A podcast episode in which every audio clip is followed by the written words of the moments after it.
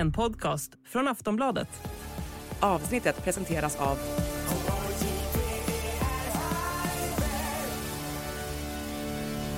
Stödlinjen.se, åldersgräns 18 år. Välkomna till Aftonbladets politikpodd En runda till. Mitt namn är Olivia Svensson och experterna heter som vanligt Lena Melin och My Råväder. Idag är det dags att langa fram ketchup, senap, rostad lök, kanske räksallad om man är riktigt udda. För vi ska nämligen prata om killen vid grillen, Johan Persson.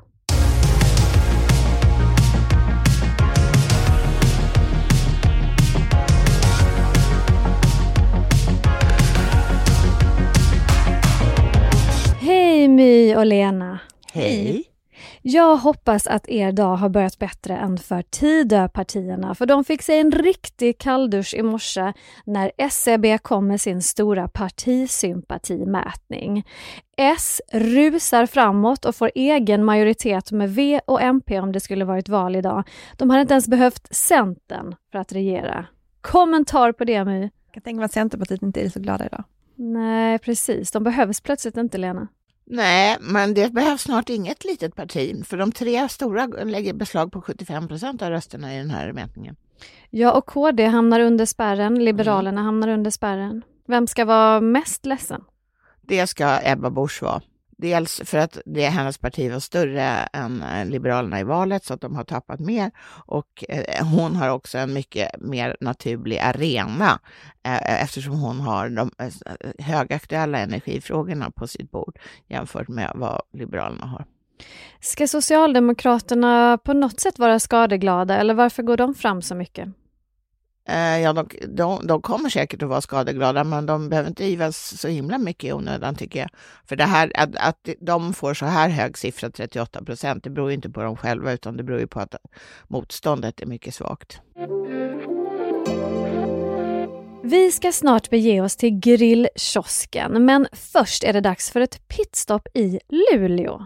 För några veckor sedan efterlyste jag internationell flärd, kommer ni ihåg det? Mm. De där besöken som skänker lite glans och glamour åt vårt annars så liksom kanelbulledoftande land. Jag vill ha ministrar och pressisar som trippar på tåg, glansiga bilar med flaggor på, mattor som rullas fram och som ett brev på posten landade USAs utrikesminister Antony Blinken på svensk mark i måndags. Okej, okay most welcome to this press conference and most welcome to Luleå. Secretary Blinken, thank you. Luleå is the place. Thank you. Handeln mellan EU och USA eh, drogs ner i ett svart hål när eh, Donald Trump var Eh, president i USA. Så att nu försöker man reparera det här genom, eh, på, på olika sätt. Och de här, de här återkommande mötena mellan eh, handelsansvariga och nu kommer ju Antony Blinken, inte för att han primärt är handelsansvarig utan för att han sen skulle på ett NATO-möte i Oslo. Så att, ehm, så, och skänkte lite glans över tillställningen. Ja, sannerligen.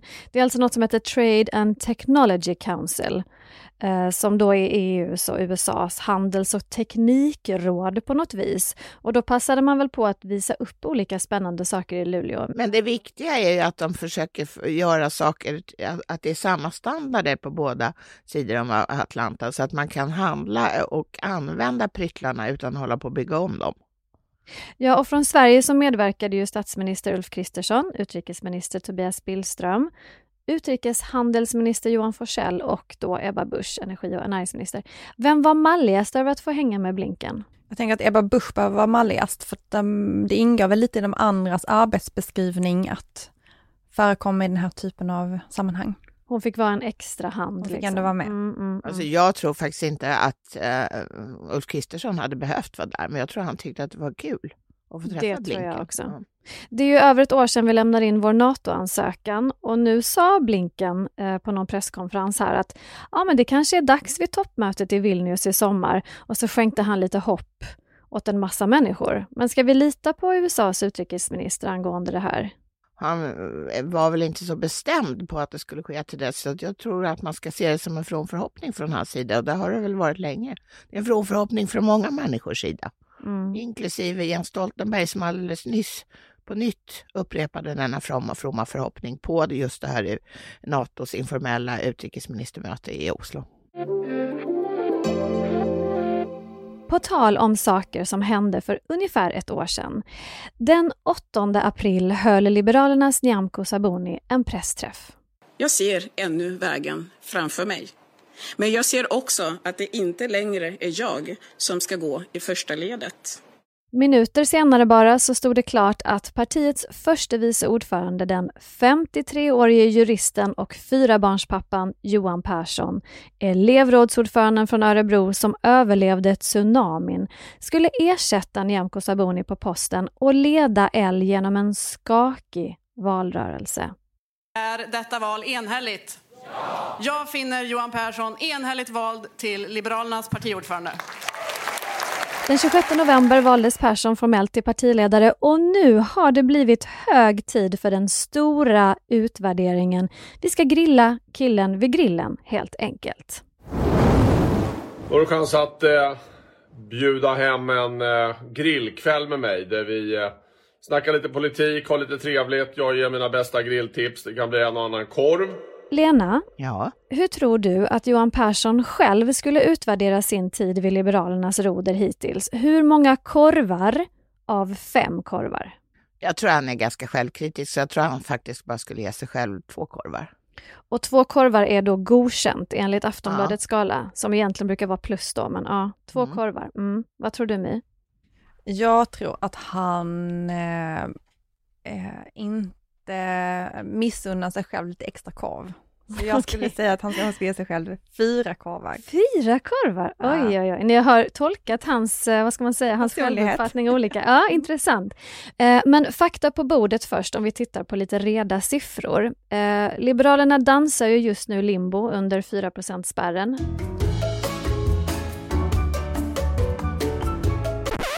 3,3 procent hade de i den senaste mätningen från Aftonbladet Demoskop och 3,4 procent i eh, SCBs senaste partisympatiundersökning som kom i morse alltså. Och det här är ju förstås att jämföra då med 4,6 procent som de fick i valet i höstas, Lena. Mm. Och det är ju sämre då. Så att eh, vad eh, Johan Persson har lyckats med är att bibehålla, att Liberalerna bibehåller sin, sin, sin roll som ett riksdagsparti. Och för det fick han ju verkligen kämpa därför att uh, un, under Nyamko Sabunis tid så låg ju siffrorna, alltså opinionssiffrorna runt 2 procent oftast. Men fortfarande så de tappade ju valet och nu ligger de under 4 procent igen i opinionsmätningarna. Så att uh, det krävs ju mm, större insatser från Perssons sida. Ja, och hans egen förtroendekurva ligger nu någonstans i den nedre regionen. Men folk vill gärna ta en öl med honom. Han kom faktiskt tvåa efter Jimmy Åkesson i en mätning om just det här. Eh, vem man helst skulle vilja dricka öl med av partiföreträdarna. Vad säger du om den siffran, eh, My? Jag tycker att den roligaste siffran på just den där skalan var det att det var 14 procent av de som hade svarat som inte ville dricka öl med någon av partiledarna. Ja, det är, ju, det är grovt. Nej, men faktum är att han har ett större förtroende nu än när han tillträdde.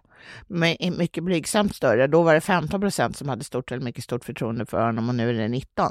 Men äh, den avhoppade, äh, avhoppade partiledaren, hon ha, det var bara 12 procent som hade stort eller mycket stort förtroende samma månad som hon hoppade av.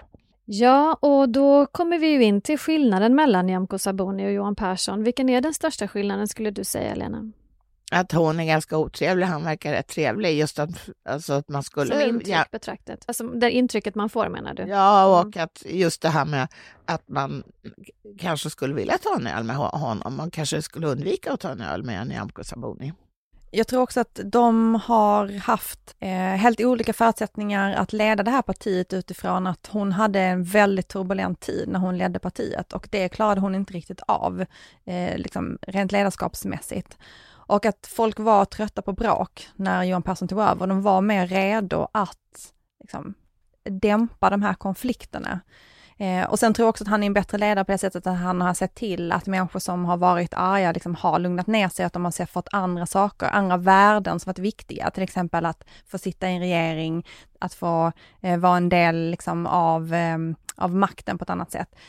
det handlar ju också om att han nu leder ett parti som är mycket lugnare än på länge. Det är litet, men det är de ju ganska vana vid att vara. Men det är mindre bråk och det behöver Liberalerna efter de här åren, för det har varit turbulent, så det har inte handlat så himla mycket om politik, det har mest handlat om vilken del av partiet har varit i majoritet just då, eftersom det ligger så himla nära den här konflikten mellan hur ska man arbeta med SD eller inte, att det har varit runt 50 procent hela tiden i partiet. Det man kan säga är ju också att Nyamko Sabuni valde bråkets väg. Hon ville ju ändra partiets linje på en mycket känslig punkt för dem. Och det utlyste löste ett bråk som pågick i närmare ett års tid. Eh, så att hon, det var ju hon själv som orsakade det här. Och på det sättet är det väl lite tacksamt för Johan Persson, för den striden behövde han ju inte ta, för den var ju redan avgjord kan man säga. Den vägen var redan vald. Precis. Men om vi pratar mer om hans personlighet, därför att ni säger att Nyamko Sabuni då, det var mycket konflikter. Johan Persson har ju verkligen valt den andra sidan. Han har valt det här glada, jovialiska, killen vid grillen. Det har varit mycket snack om hur rolig han är. Men har det varit bra eller dåligt för honom att man har fokuserat på hans, eh, vad ska man säga, att han är sådär happy-go-lucky snubbe? Va, vad tror ni? Jag tror att han själv tycker att det har varit bra för honom. Det är ju någonting som han hela tiden accentuerar, att det här med att det ska vara skämt, det ska vara kul. Jag, jag, jag menar ju att det finns ju en annan sida av honom också. När man intervjuar honom så sitter han ju inte och skämtar hela tiden, så det finns ju klart två sidor av det. Han har ju varit i politiken under väldigt lång tid. Därmed så tycker jag att balansen har varit lite för mycket åt det där skämtsamma hållet. Eh, och eh, till exempel det här med att vad kommer man att komma ihåg honom för? Kommer man komma ihåg honom för att han är killen grillen eller det som gav liksom uttrycket gråtrunka ett ansikte? Eller kommer man att komma ihåg honom för den typen av politik som Liberalerna driver? Man säger att de driver liksom skolfrågan jättehårt nu. Hur, hur kommer den, kommer skolan att förändras på något sätt? Vad kommer de att driva för policies? Alltså allt det drunknar ju i att man bara pratar om vilken härlig kille han är. Och det visade sig i deras val utvärdering också, att det tycker inte alla väljare om, kvinnor till exempel tycker inte att det är den sköna snubben med grillen är någonting som appellerar till dem. Så de har ju ett jättestort arbete nu med att vinna tillbaka den väljargruppen som är högutbildade kvinnor som de annars har varit ganska starka i.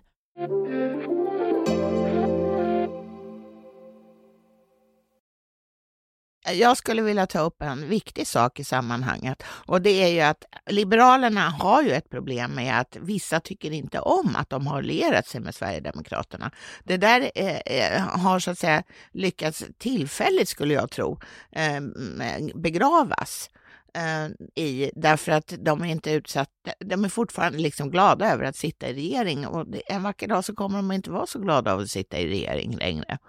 Den stora Stockholmssektionen tycker det här är us, us, urusel lösning. Den stora, ganska stora sektionen i Göteborg tycker det här är en urusel lösning.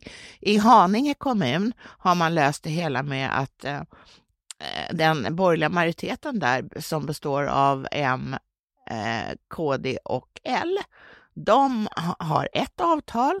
Sen har Moderaterna ett annat avtal med Sverigedemokraterna så att Liberalerna inte ska behöva ha med Sverigedemokraterna att göra.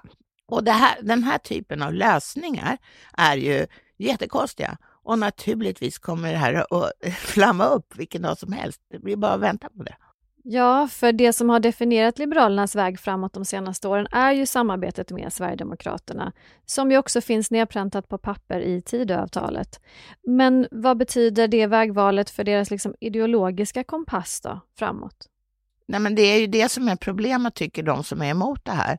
Eh, medan de andra eh, väljer att svälja det, de som tycker att det här samarbetet med Sverigedemokraterna är okej, okay, de väljer att svälja det därför att de eh, använder sig av det nämligen väldigt viktiga politiken, nämligen matematik. Och då kommer de fram till att de kommer att sitta på avbytarbänken i all evighet om de inte lierar sig med Sverigedemokraterna så länge det, det parlamentariska läget ser ut som det gör just nu.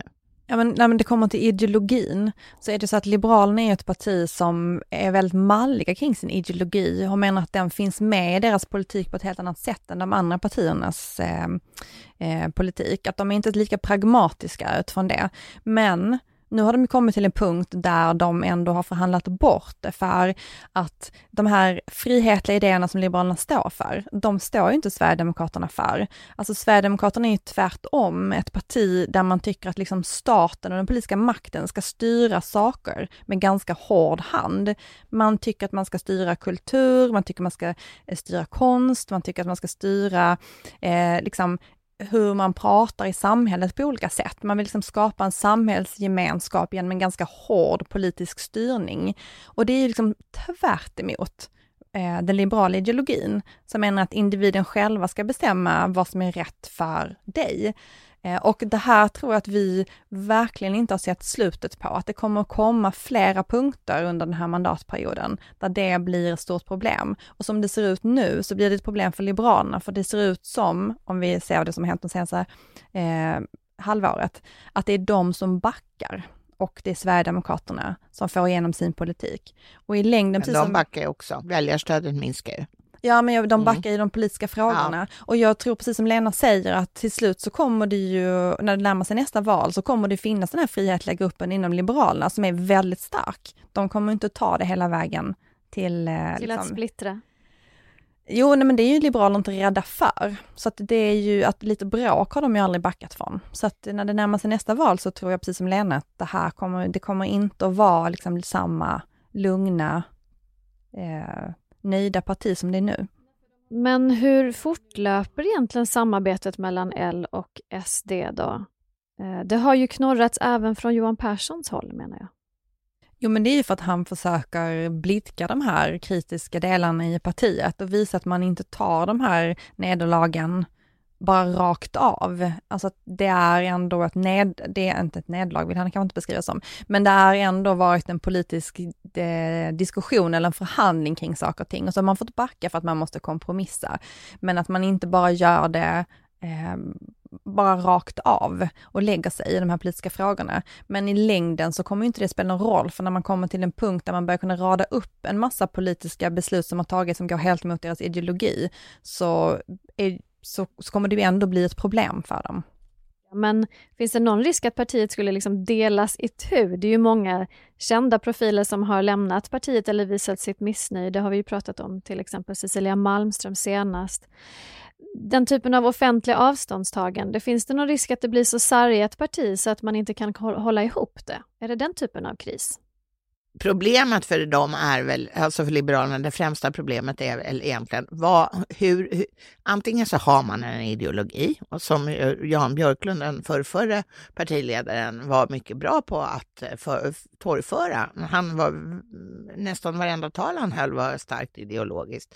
Eller också så skiter man i ideologin och, tyck, och gör något pragmatiskt. Och det är, om man nu ska dra det till dess yttersta kanter så är det väl det som pågår nu. Och jag tror inte att ett parti i längden mår särskilt bra av att folk inte vet var de, var de har dem var de har ett parti. Är Johan Persson inte ideologiskt styrd på något jo, sätt? Jo, han är också en ideolog, men han har ju bestämt sig för att i vissa fall så vänder han huvudet bort för att få ett, ett eh, inflytande på det sättet som de har nu, det vill säga sitter i regeringsmakten. De är, alltså om man skulle uttrycka det betalt så har de sålt sin själ eh, för att få för, för att sitta i regeringen. Jag skulle kanske inte vilja ta det så långt, men för att göra bilden väldigt tydlig så är det liksom åt det hållet de har vänt sig. Men vad tycker Johan Persson är riktigt, riktigt viktigt då?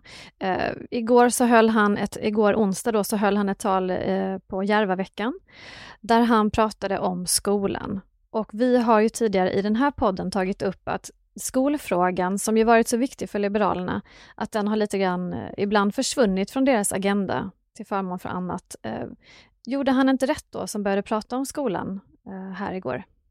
Han är ju inte ansvarig för skolfrågor så han kan ju prata om det som han är ansvarig för i regeringen. Men, men att, att, han tog upp skolan i valrörelsen var ju jättebra. Och han började göra det faktiskt väldigt snabbt efter han hoppade in som ersättare för Nyamko Sabuni. Så tog han ju det halmstrå som, som Liberalerna har, nämligen skolfrågan. Det är ju den enda fråga som, som, eh, som väljarna tycker att de är särskilt bra på. Därför tycker jag det är lite förvånande att han valde en annan ministerpost istället för att ha en ministerpost ja, där han verkligen kunde precis. profilera sig själv. Och att han istället har eh, flera ministrar i det området som inte märks av lika mycket. Eh, jag tror att han brinner för skolan som en sakpolitisk fråga. Däremot så tycker jag att om man är partiledare så är det väl framför allt partiets vara eller icke vara som man ska, behöver brinna för. Och precis som vi har pratat om här, så handlar det ju liksom om den ideologiska hemvisten.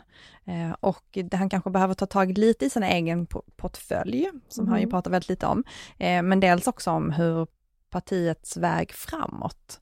Alltså hur ser vägen för Liberalerna ut framåt? Det kan ju inte bara vara här och nu, utan det måste finnas en, eh, en linje också.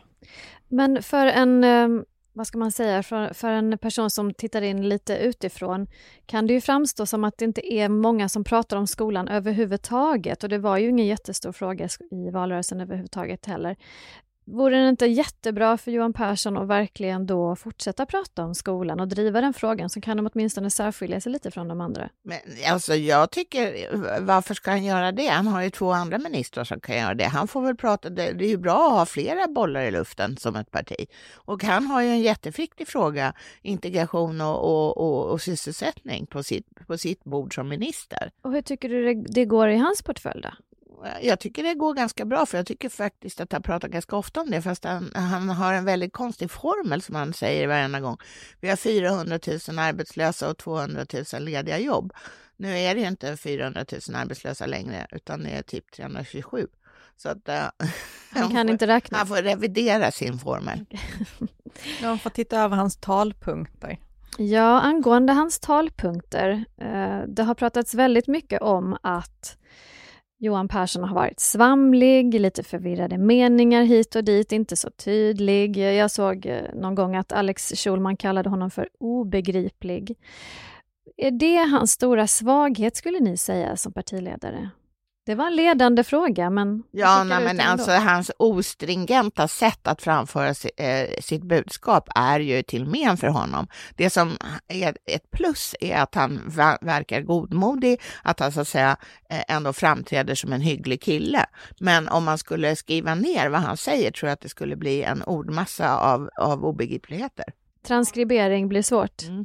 Ja, det har man ju hört om människor som har försökt transkribera hans uttalanden, att det har varit väldigt svårt att förstå exakt vad de betyder när man läser dem. Det är han ju inte den enda partiledaren som har haft svårt med. Stefan Löfven var ju liksom notoriskt omöjlig att förstå om man skrev ner vad han sa.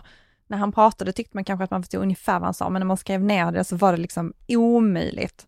Men är det inte någon som drillar Johan Persson nu då? Känns det inte som att han har blivit lite mer stringent? Alltså jag måste ju säga att han stod i alla fall för den roligaste repliken i SVTs partiledardebatt för några veckor sedan. Alltså jag förstår jo, inte det här liksom att det är en dragqueen, liksom, hur osäker kan man vara? Vad tror du ska hända? Vi kan väl jag... gå dit, vad, vad ska hända Nej, om det en, Vi kan väl gå dit, men vad är problemet att om biblioteket har fått ett anslag och biblioteket bjuder in dem eller så två fågelskådare eller vad det kan nu som ska berätta något. Liksom, mm. Bli inte så himla nervös av jag det. Jag är liksom. inte ett dugg nervös. vi kan gå dit att... ihop. Det var ändå väldigt skojigt och sånt är ju till fördel för Johan Persson man vinner ju på att vara genuin och det är han ju. Sen så att det ibland kommer ut lite hipp som haps. Alltså en sak som ju händer ofta och med alla som intervjuar Johan Persson, det är ju att folk hör av sig och säger så här, det du har skrivit här, det var inte det han menade. hör han slagger av sig menar du? Ja precis, ja. det tror jag att jag har varit med om, jag tror att alla jag känner som jobbar med det här har varit med om samma sak, att de bara, ja han sa så, men han menade egentligen någonting annat.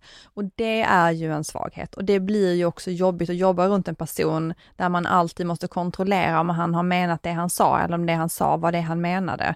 För att i politiken så är, ju, är det viktigt att man kan förlita sig på vad en människa säger. Men det här med att han är genuin, det är ju verkligen på pluskontot. Mm, det är det verkligen i politiken. Och om man tittar det är väl på... inte jättemånga som ni pratar om här inne som ni säger att de är genuina om ändå? Nej, alltså när det inte att det får genomslag liksom vid alla tillfällen. De kan ju vara genuina när man träffar dem som människor men när man intervjuar eller man träffar dem är ju som liksom politiker så har de en helt annan, ett helt annat sätt att vara. Men med Johan Persson så tänker jag att han har ju en otroligt lång karriär inom det här partiet. Och det här är väl den skillnaden när man liksom kommer in lite från sidan eller är ganska ny eller kommer från liksom en annan del av politiken. Eh, jämfört med när man har varit i rikspolitiken under väldigt många år på många positioner. Alltså han känner ju sitt parti och jag tror att delvis är det därför också som det är stor skillnad på honom och Nyamko Sabuni i ledarskap. Hon var, har liksom varit in och ut ur partiet på ett annat sätt. Han har varit här, han känner partiet, han känner människorna, han har varit i olika positioner eh, och det gör ju att man blir väldigt trygg och grundad i ett ledarskap. Ehm, så att det tror jag också är en av de styrkorna som han har. Och om man har varit engagerad så länge som han har varit i samma parti och, och liksom vigt större delen av sin karriär åt det. Är det inte extra jobbigt då när det blir den här typen av eh, ändå klyftor inom partiet när det gäller en sån otroligt viktig fråga som vem man ska samarbeta med och vem man ska regera med? Ligger han vaken på nätterna tror ni och funderar på om det här med SD var rätt väg att gå, hur de ska göra framåt? Hur, hur, hur brydd är han tror ni kring det här? Nej, men jag tror att han tänker på det sättet att det här är det beslut som Liberalerna har fattat vid flera olika tillfällen till och med. Och, eh, det, det, det, och han var ju dessutom på den sidan som tyckte att det var ett bra beslut. Så att jag tror absolut inte att han ligger vaken. Vad ligger han vaken om då? När han vaknar på nätterna, Jag vad tror tänker inte han då? särskilt mycket måste jag säga. Jag tror han är en sån som vänder på sig och somnar om. Vad ska jag grilla imorgon? Nej men ja, eller jag bara vänder på mig och somnar om. Kanske inte funderar på någonting överhuvudtaget. Tror du också det, My? Jag tror att han är väldigt nöjd för tillfället. Tror du det? Mm, det tror jag. Men man kan väl inte vara nöjd med 3,3 procent? I så fall bara för att man jämför det med någonting ännu värre. Är det verkligen liksom en bra grogrund? Exakt, men det är ingen dålig grogrund att jämföra med att det kan vara mycket, mycket sämre. Sen är ju Liberalerna vana vid att ligga lågt i opinionen, så det här är ju inte en, det här är ingen kalldusch för dem. Eh, och sen vet han ju också om att när det kommer till ett val så får de hjälp att komma in i riksdagen om de skulle ligga på de här låga nivåerna. Och det är kan man det- verkligen alltid lita på de där stödrösterna, My? Men väljarna verkar ju vilja ha de här partierna i riksdagen. Eller jag tror inte att de vill ha partierna i riksdagen. Jag tror de vill ha en särskild regering och det är därför de stödröstar på ett visst parti. Det, alltså om Liberalerna hade åkt ut, ut ur riksdagen i, eh, 2022, då hade det ju varit eh, omöjligt för Ulf Kristersson att bilda regering. Och det är så folk tänker. De tänker inte, oh, vad, vad, vilken omistlig del av svensk politik Liberalerna är, jag måste lägga min röst på dem. Men Liberalerna har varit mycket, mycket större. De har ju haft en annan position i svensk politik. Ja, men det går upp och ner och, och för dem har det gått väldigt mycket ner. Alltså Liberalerna har ju spelat en enormt framträdande och, och viktig roll för det moderna Sverige. Alltså tillsammans med Socialdemokraterna var det ju de som, så att säga, som la grunden för det land vi vi har nu. Och, så det är inte det att de inte haft någon historisk uppgift. Det är Tvärtom, men de har ju verkligen eh, spelat en otroligt viktig roll för, i vår historia. Men jag tror inte att människor känner att detta, detta, vad som hände för hundra år sedan, är så viktigt för mig att jag måste lägga min röst på Liberalerna, för de får inte ramla ur riksdagen. Det tror jag ingen tänker. Utom möjligen Jan Björklund. Men om man har varit stor och viktig för Sverige, som Liberalerna då har varit, säger du, finns det inte då alltid en längtan tillbaka till storhetstider, till svunna glansdagar? Hur ska de göra för att komma tillbaka Men till alltså, det? det var en, fanns en tid när 25 procent röstade på Centern. Det är så, sånt där händer. Ja, men nu pratar vi om Liberalerna specifikt. Finns det ingen väg tillbaka? Ska de alltid sitta och skvalpa liksom runt 4 spärren eller? Men de det, det är väl planer. lite sådär som, som man brukar säga, att, att vara liberal är kluven. Och jag tror att det, det ligger de ju i fatet. Man kan inte både hävda liberala frihetsvärden och sen samarbeta med, med Sverigedemokraterna. Man måste välja väg, tror jag, om man ska nå väldigt höga siffror. Och nu har de valt väg, men partiet är sargat på grund av Ja, valet. så det var fel väg kan man säga, om man vill bli stor. Var det fel väg för att bli stor, My? Håller du med? Ja, det gör ju att det inte finns så mycket plats för Liberalerna heller på den här politiska kartan eftersom de har anpassat sig efter en liksom, konservativ strömning i politiken som de inte är en del av egentligen. Så att de behövs ju inte där när de liksom själva ser till att växa just den delen av politiken. Men vem skulle de annars ha bildat lag med då? Eller skulle de suttit själva bredvid Centern där i mitten? Men de var ju i lag med det andra laget alldeles innan eh, Nyamko Sabuni ändrade, på hennes initiativ, de ändrade inriktning. Alltså de, de var ju en del av januariavtalet. Mm. Och hur gick det? Ja, det gick inte bra, men det, och det kan säkert... eh, Det, kan, det berodde i hög grad på henne faktiskt. Hon var inte såld på det där eftersom hon inte var med och slöt avtalet. Det gjorde hennes företrädare. Men måste man inte som parti också tänka så här, vi måste värva nya medlemmar, vi måste få liksom in nya spännande profiler, vi måste ha nytt blod. De hade Birgitta Olsson, en extremt stark person. Eh, Och mycket omstridd i sitt parti. mycket omstridd i partiet, men en person som syntes och hördes och som så vitt jag förstod var ganska populär bland ungdomar. Behöver de inte... Ska de inte ut och värva?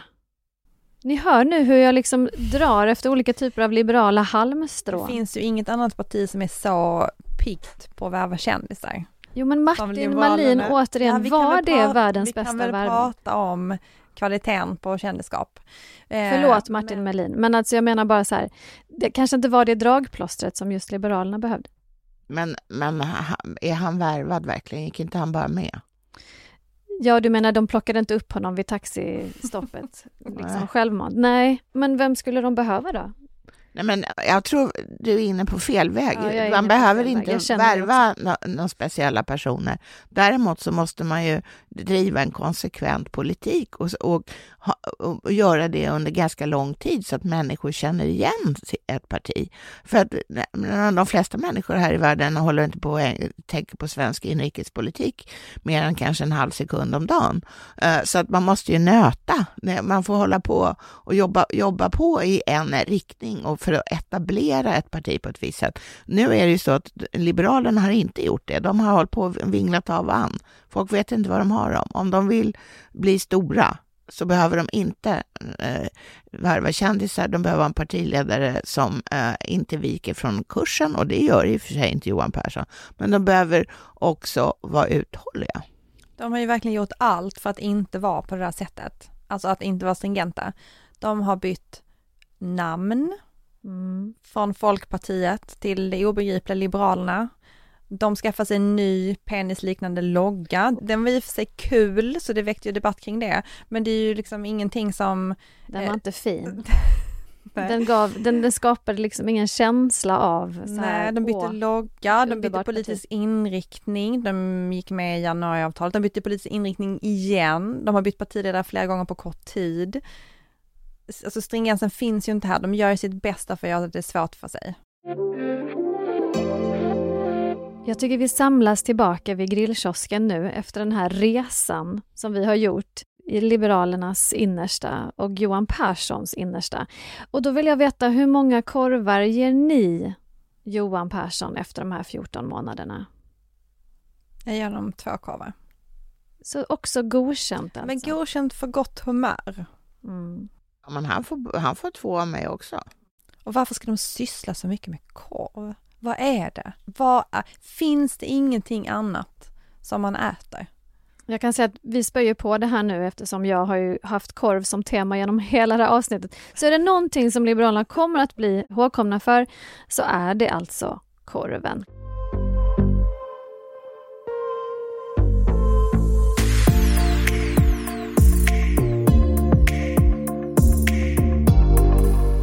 Hörni, vi har en födelsedag på gång. Mm. På tisdag i- 6 juni är det ju 500 år sedan Gustav Vasa kröntes till kung. Eh, Och eh, det ska ju firas på olika sätt runt om i landet. Hur ska ni fira? Jag tror inte jag ska fira alls, för jag tycker faktiskt det här firandet är lite mjäkigt. Det är, det är väl en jättestor grej. Sveriges moderna historia på något vis tog sin början för 500 år sedan. Och det borde man väl fira rejält, men istället så firar de det typ i Strängnäs. Men hur hade du velat att det skulle högtidlighållas? Ja, med fest på Fest. gator och torg. Gratis champagne? Ja, gärna. Det har jag verkligen inget emot. Det har jag aldrig. Är du nöjd med, med uppmärksamheten för Sveriges 500-årsjubileum i Jag brukar inte fira nationaldagen på liksom firande sättet, förutom att det är en trevlig picknick. Du kör kanske. ingen bonad och... Nej, jag gör Frans. inte det. Jag gör inte stor fest som Haram Demirok säger att han har varit eh, nationaldagsfirande. Intressant. Eh, men jag tycker också, jag tycker det är väldigt kul med historia och jag tycker att eh, det är väldigt roligt. Just Vasätten är en väldigt spännande ett.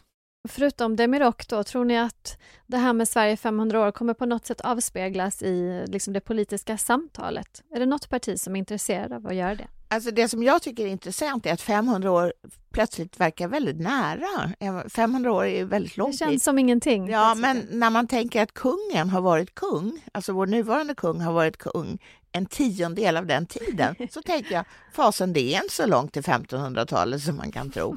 Väldigt vältajmat Mm. faktiskt att han firar 50 år på tronen det här året också. Det är väldigt vältajmat. Ja, vi har så mycket att fira. Eh, champagne till alla och jag vill tacka för idag, Lena och My. Tack själv. Tack för att ni lyssnare har lyssnat och vi hörs igen nästa vecka. Hej då!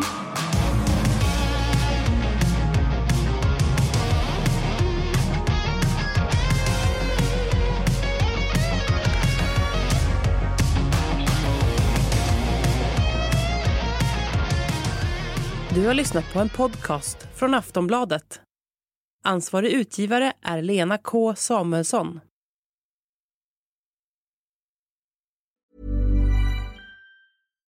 Here's a cool fact a crocodile can't stick out its tongue. Another cool fact you can get short term health insurance for a month or just under a year in some states. United Healthcare short term insurance plans are designed for people who are between jobs, coming off their parents' plan, or turning a side hustle into a full time gig.